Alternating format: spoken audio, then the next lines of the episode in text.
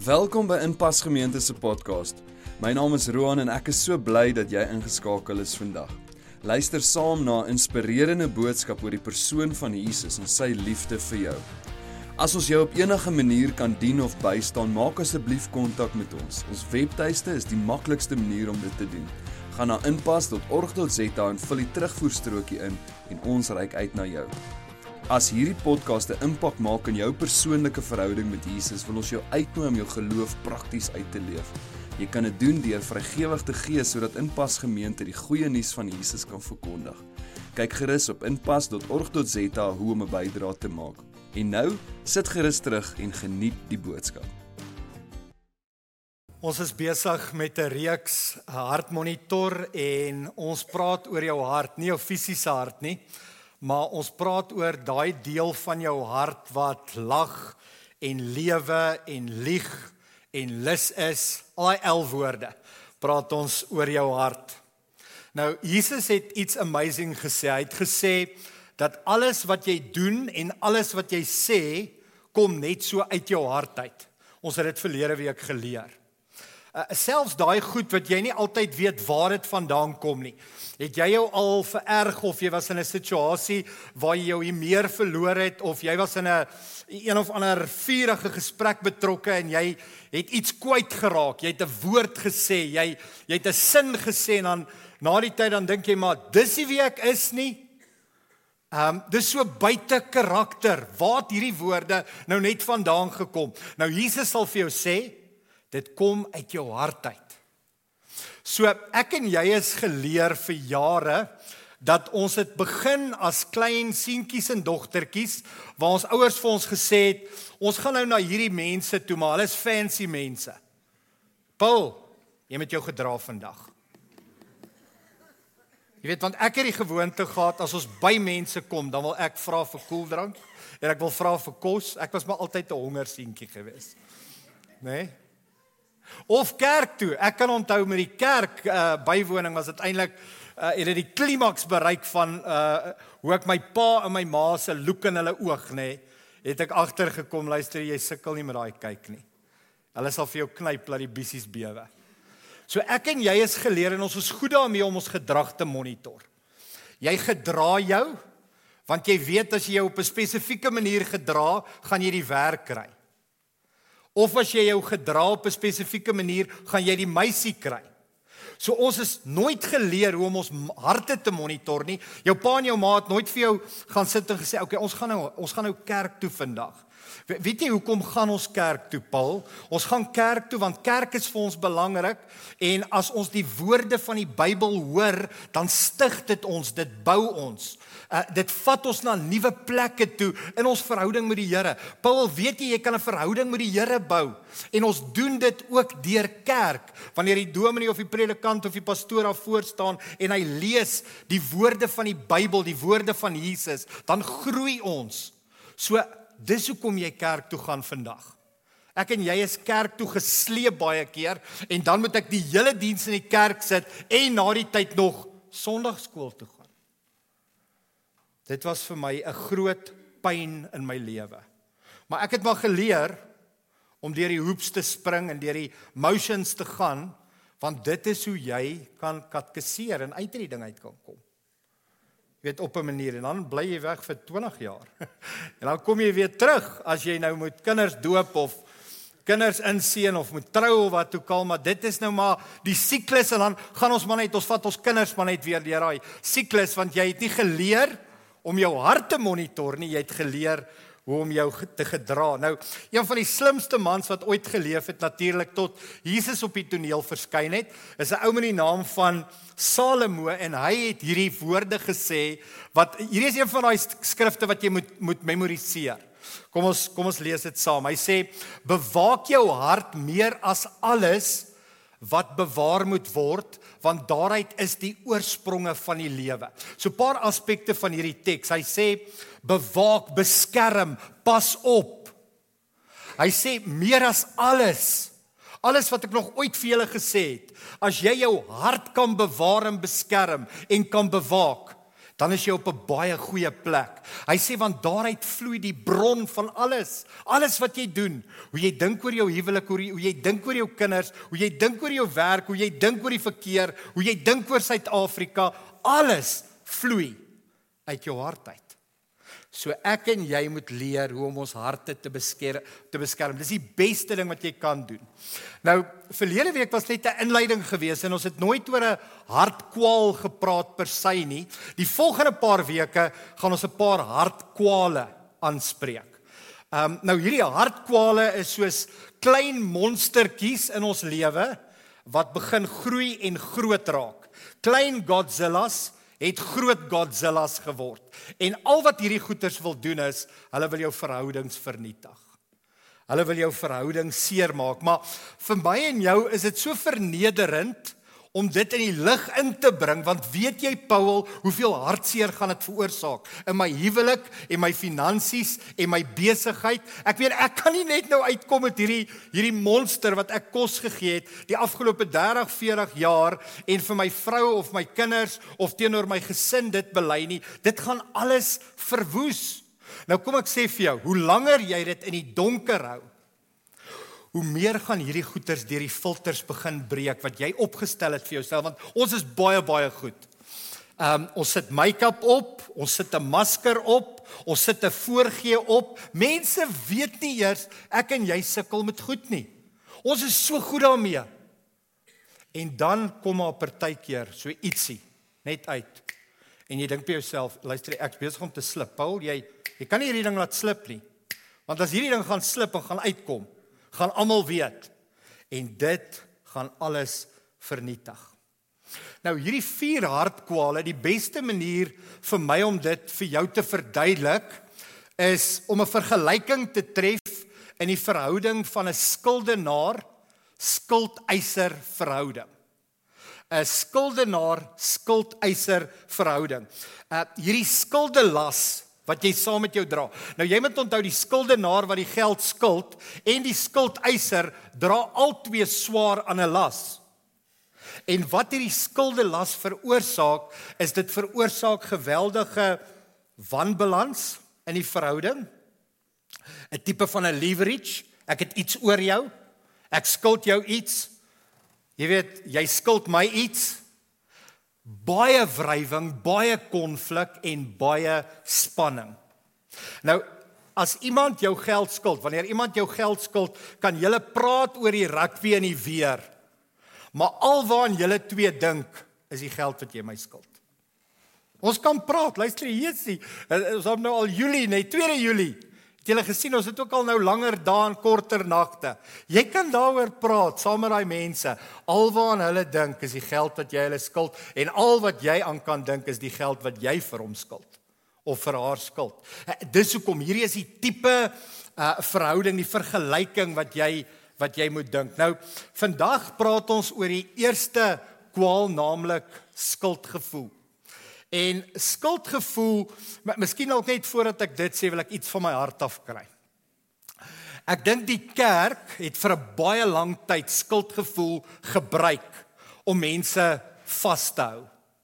So so in 'n kerk sal jy byvoorbeeld kry dat dominees en pastore praat vooraf en sê maar luister jy as hulle nie meer skuldig voel nie, gaan hulle nie meer kerk toe kom nie.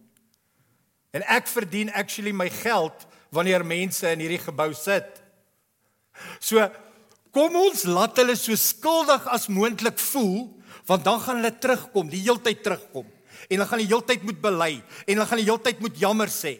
En hulle gaan die heeltyd moet sê asseblief preek net nog 'n bietjie, gee my net nog bietjie pak sla met die Bybel. Kom sê net vir my hoe sleg ek is en en hoeveel ek moet bely en jammer sê.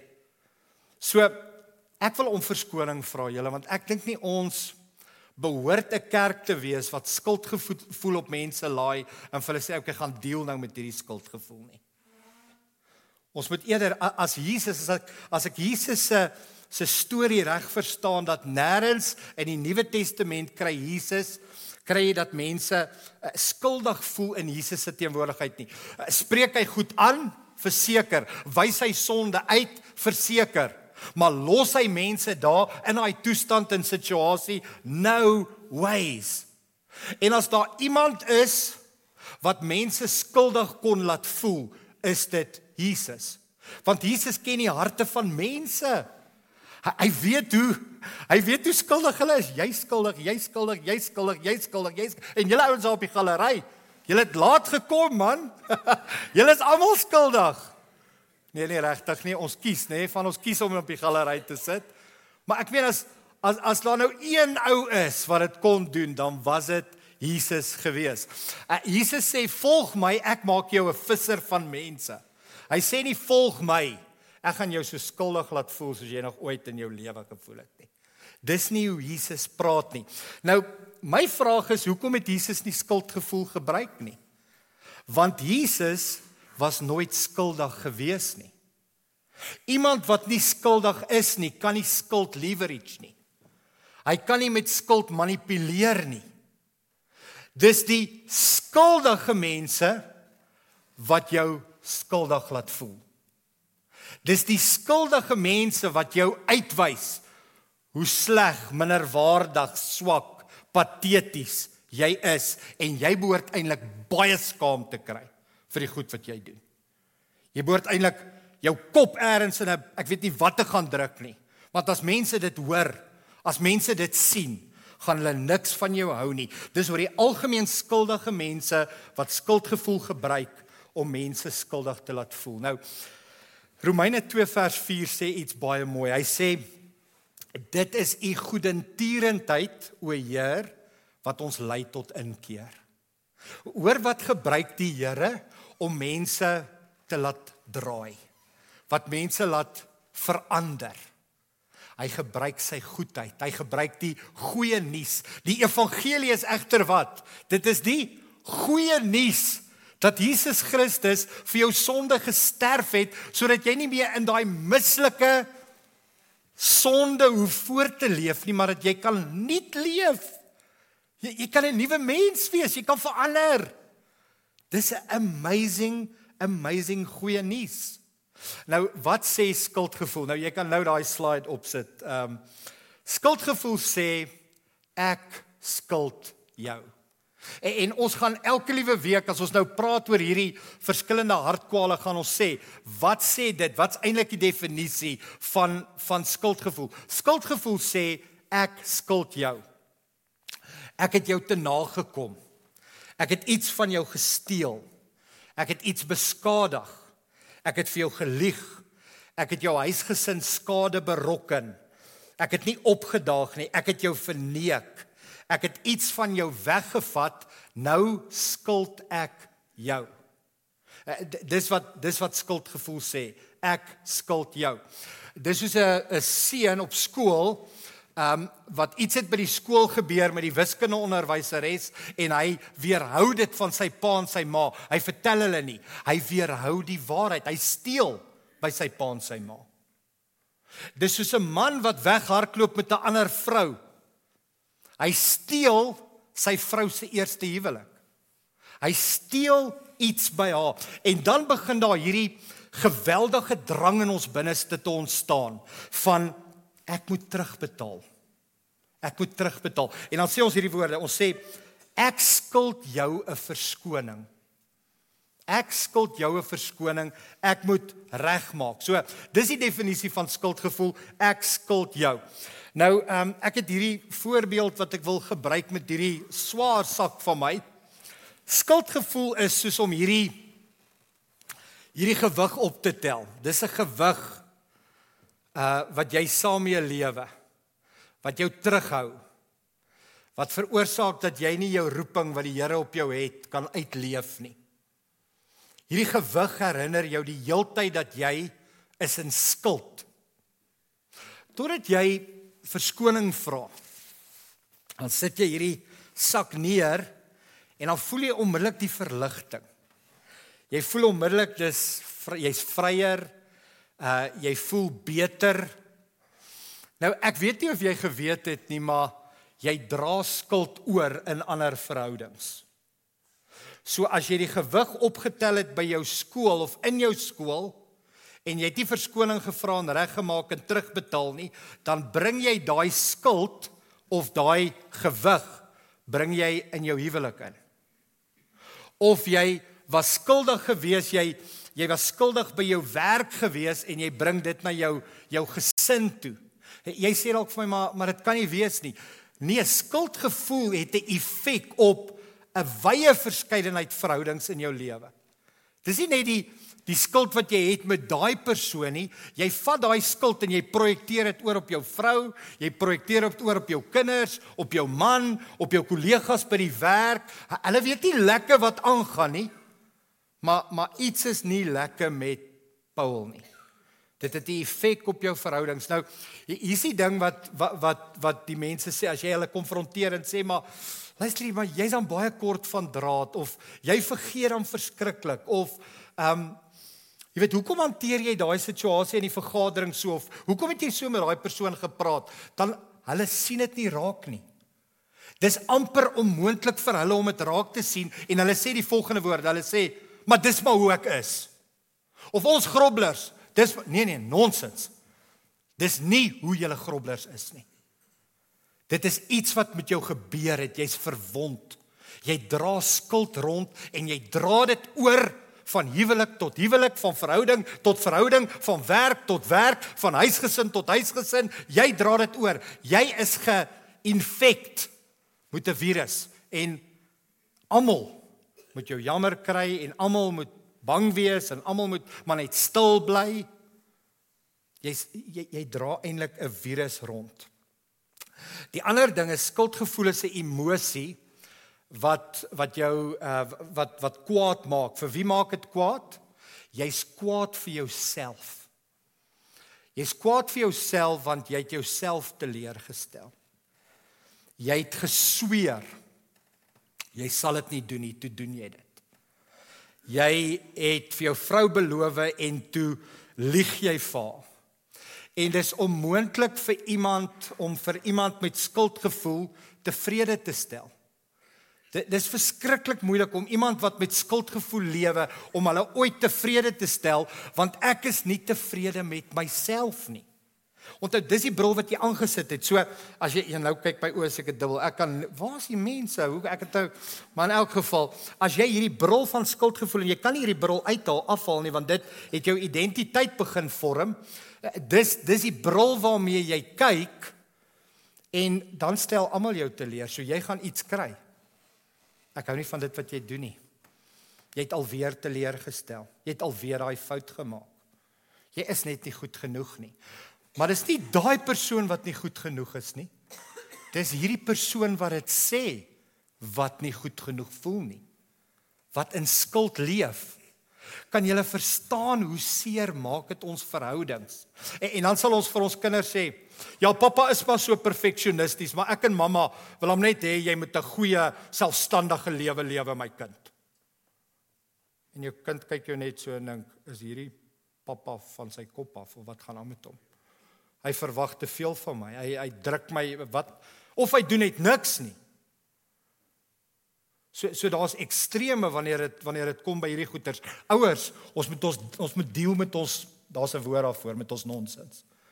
Ons moet deel met ons nonsens want ons dra dit oor op ons kinders en ons leer hulle hoe om met skuld te leef. Ons sê vir hulle, "Sien ek het vir jou 'n lekker ding waarmee jy kan rondloop vir die res van jou lewe." Loop rond met hierdie gewig en moenie daai sak neersit nie. Daai sak gaan vir jou herinner hoe belangrik dit is om perfeksionisties te lewe. Daai sak gaan jou herinner hoe dit is om te leef as mense jou teleurstel. En ons leer ons kinders om net verder hierdie ou sakkie op te tel en hierdie ou sakkie te dra. Jou kinders moet vry kan lewe. Hulle moet keuses kan maak. Hulle moenie al op 2 of 3 of 5 of 6 of 10 of wat ook al sê, ek is nou al op so 'n baan dat as my pa net vir my so kyk kan weet ek. En ons luister, ons roem daarin. Jy weet ek het so kyk. Ek het so kyk. As ek hy kyk vir my kind gee, dan weet hy sommer. Nee, kyk, hulle gaan hulle gedra tot dit klop varsity is, gaan hulle hulle gedra. Ek het nou 'n eerste jaar op varsity. Ons het probeer. Dis moeilik hierdie goeters julle. Want dit kom van binne af. Dis nie ekster jy sê jy's daai pelle wat my kind nou op waarsit het, hy's hy's 'n sleg, dis 'n slegte invloed op sy lewe. Nee, jou kind is die slegte invloed op hulle lewe. Hulle is 'n slegte invloed op mekaar se lewe. Dis nie jou bloetjie nie. Dis nie jou perfekte seentjie of dogtertjie nie. Jy het hulle geleer om so te leef. Hulle sal weer hulle self gedra as hulle daar by die huis kom, dan sal hulle hulle wasgoed bring. Hulle sal mooi met jou praat. Hulle sal jou een keer 'n week bel. Maar is net met daai gesprek wat hulle nice is. Anders is, is hulle monsters. Ehm um, So skuldgevoel is 'n hartkwaal wat groei in die donker maar vernietig word in die lig. So hier's twee goed wat jy kan doen met jou skuldgevoel. Die eerste een is betaal die persoon terug wat jy te nagekom het. Dit dis die eerste een. Ek wil vir julle sê dis amper onmoontlik. Hoe betaal jy iemand terug wat jy al 12 jaar misbruik of mishandel? Hoe betaal jy so iemand terug? Hoe betaal jy iemand terug wat jy verneek het? En gelos het in die huwelik. Hoe bet, hoe betaal jy so iemand terug? Dis dis 'n ampere onmoontlike ding om mense terug te betaal. Hoe betaal jy die besigheid terug wat jy gesteel het by die ou? Hoe doen jy dit? Hoe betaal jy die ou terug wat jy sy vrou van hom gesteel? Hoe betaal jy dit terug? Wat wat gaan jy doen? Of die tweede opsie is vra die persoon om jou skuld af te skryf of te kanselleer. Ek weet nie hoeveel van julle is nou bereid om die oproep te maak of die afspraak te maak of die gesprek te gaan hê nie. Maar dit is hoe ek en jy met ons skuldgevoel voel behoort te deel. Nou albei hierdie opsies vereis dat ek en jy bely. Belydenis breek die juk en die krag van skuldgevoel. Nou ons leef ongelukkig en deel daarvan is is mooi. Dis dis waar dit behoort so te wees. 'n Deel daarvan is ons Christen kultuur sê vir ons wat? Bely teenoor God. Bely teenoor God. Maar julle dit kan dit kan so 'n bietjie 'n miskonsepsie wees want wat gebeur is jy hou net aan. Jy hou aan lelik wees met die persoon, dan kom jy in die aand met jou gebed dan sê hy, Here vergewe my omdat ek so lelik was met daai vrou by die werk vandag. Môre aand doen jy presies dieselfde ding. Here vergewe my omdat ek so lelik was met die persoon by die werk.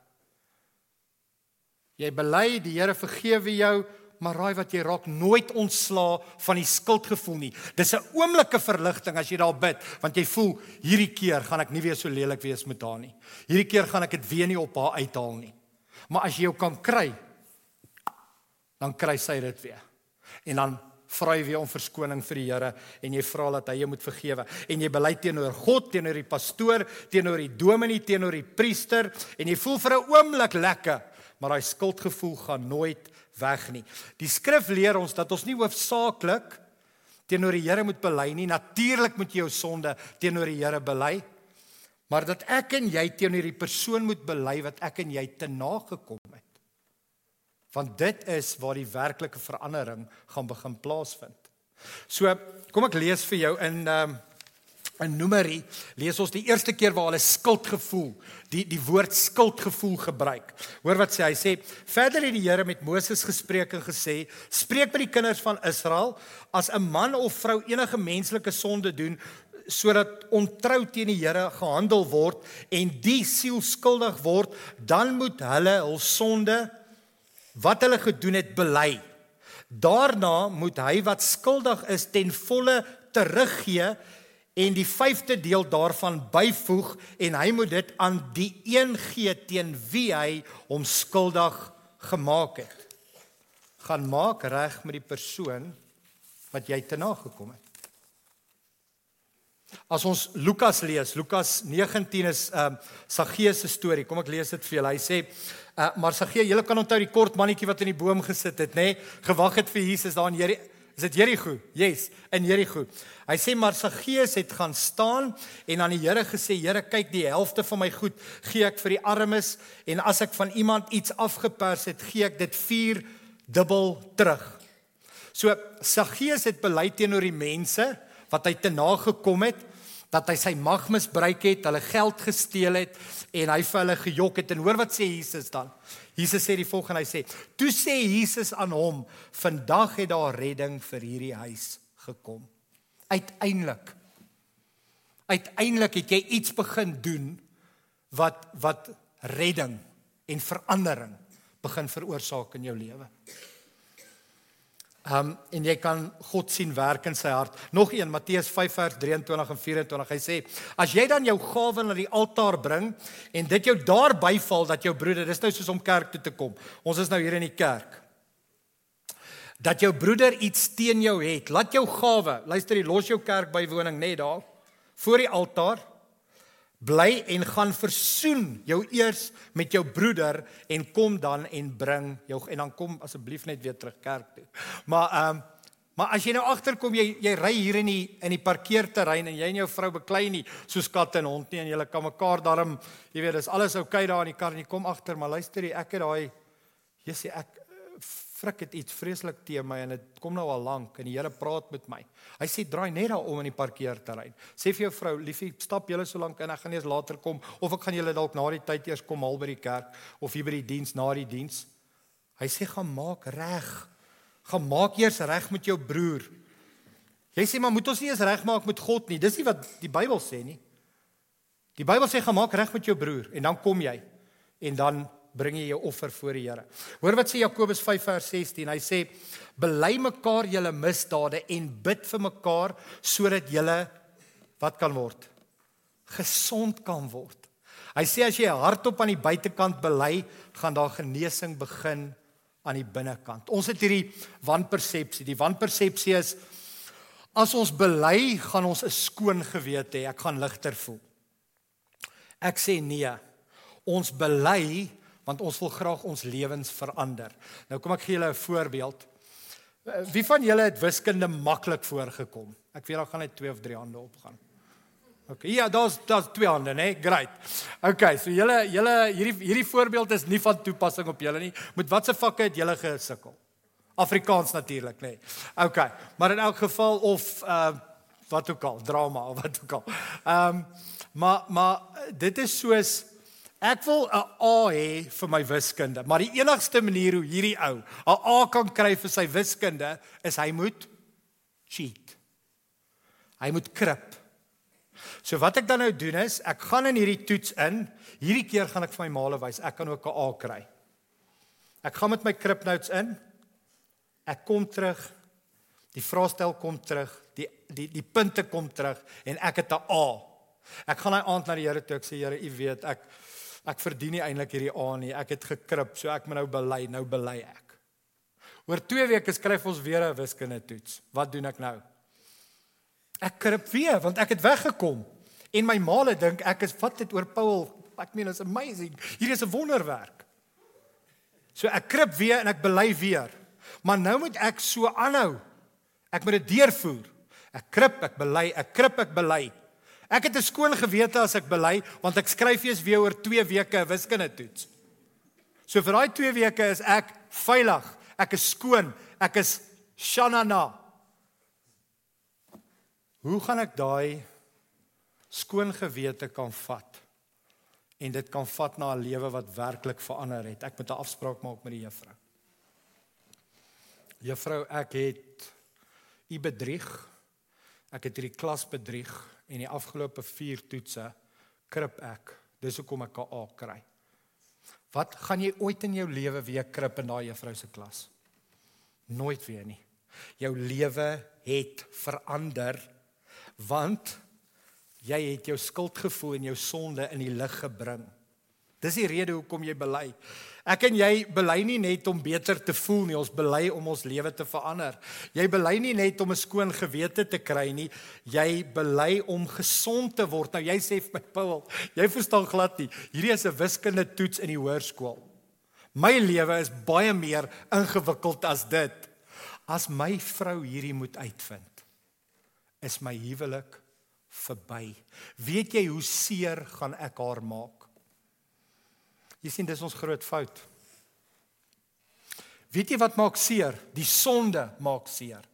Belydenis maak nie seer nie. Die sonde maak seer. Die skuldgevoel maak seer.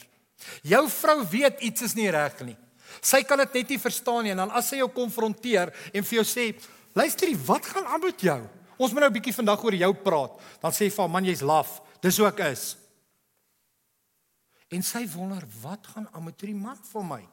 Ek ek weet nie wat in hom is nie. Jy laat haar soos 'n dwaas voel. Jy laat haar al vir die afgelope hoeveel jaar soos 'n dwaas voel want daar's iets verkeerd met jou. Moenie vir my sê daar's iets verkeerd met my nie. Die sonde maak al klaar seer. Die sonde verwoes alreeds. Dis nie die belydenis van seer gemaak nie. Die belydenis gaan vrymaking bring. Sy gaan uiteindelik kan sê dank die Here. Ek het gedog ek is besig om van my kop af te gaan. Wat gaan aan met my? Nou weet ek. Nou wat daarna gaan gebeur, weet ek nie.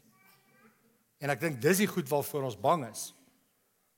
Maar jy kan so leef verlang, wat is die gevolge? Geheime maak seer, julle. Nie belydenis nie. Geheime maak seer. Wat is die gevolgenis? Ehm um, ag die gevolgenis, die gevolge is belydenis dis onmiddellik met die persoon. So ek bely teenoor my vrou, dis onmiddellik met die persoon. Skuldgevoelens dis langtermyn met al my verhoudings. So iemand weet daar's iets verkeerd met jou. Hulle kan nie hulle vinger daarop sit nie, maar jy is 'n nasty mens. Jy's nie lekker nie. Dis nie lekker om saam met jou te werk nie, dis nie lekker om saam met jou te bly nie, dis nie lekker om saam met jou getroud te wees nie. Dis nie lekker nie. Dis nie eers lekker om saam met jou in die kerk te wees nie. Dis nie lekker nie. So dit het 'n lang termyn en julle wat ek vandag wil voorstel is klein tree. So hier is die klein tree, ek het drie voorstelle. In die eerste plek Begin teenoor jou vriend te bely, 'n vriend wat jy kan vertrou. Gaan na jou vriend toe sê vir hom, weet jy wat? Uiteindelik, die tweede punt, uiteindelik moet jy gaan bely teenoor die persoon wat jou te na gekom het. En dan in die derde plek, betaal soveel as moontlik van die geld of die emosies of die pyn of die wat ook al terug aan daai persoon wat jy gesteel het. Maak 'n commitment. Julle ek ek weet yes, ek weet ons is bang vir hierdie goeters want ons hele lewens gaan in mekaar intuimel. Maar ek het ook al stories gesien waar waar mense dit doen en waar die Here soveel herstel bring en daai persoon so vry maak. So daar's 'n laaste ding wat ek wil sê, die laaste ding wat ek wil sê is as jy bely teenoor die persoon wat jy te na gekom het, jou buitewêreld gaan ingewikkeld wees vir 'n tydjie. Julle ek sê nie dit gaan nie ingewikkeld wees nie. Maar dit is klaar ingewikkeld. Dit is klaar stuk en dit is klaar seer. So dit gaan vir 'n kort tydjie ingewikkeld wees, maar jou binnewêreld gaan vry wees, ligter wees, gesond wees. En jy moet vandag kies. Gaan jy jou hart monitor of gaan jy jou gedrag monitor?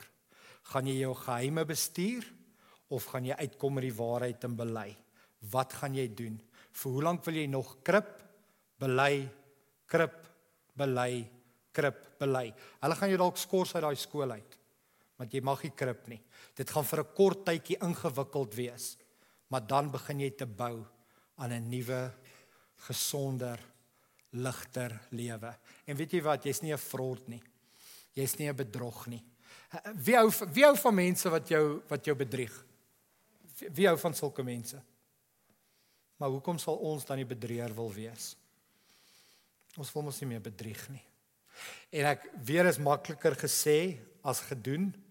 En ons moet hierdie week gaan en ons moet met hierdie preke met hierdie woord erns probeer maak en laat toe dat die Heilige Gees jou lei en jou help. Gaan bely teenoor 'n vriend, uiteindelik teenoor die een wat jy te na gekom het en betaal soveel as moontlik terug wat jy gesteel het en gevat het.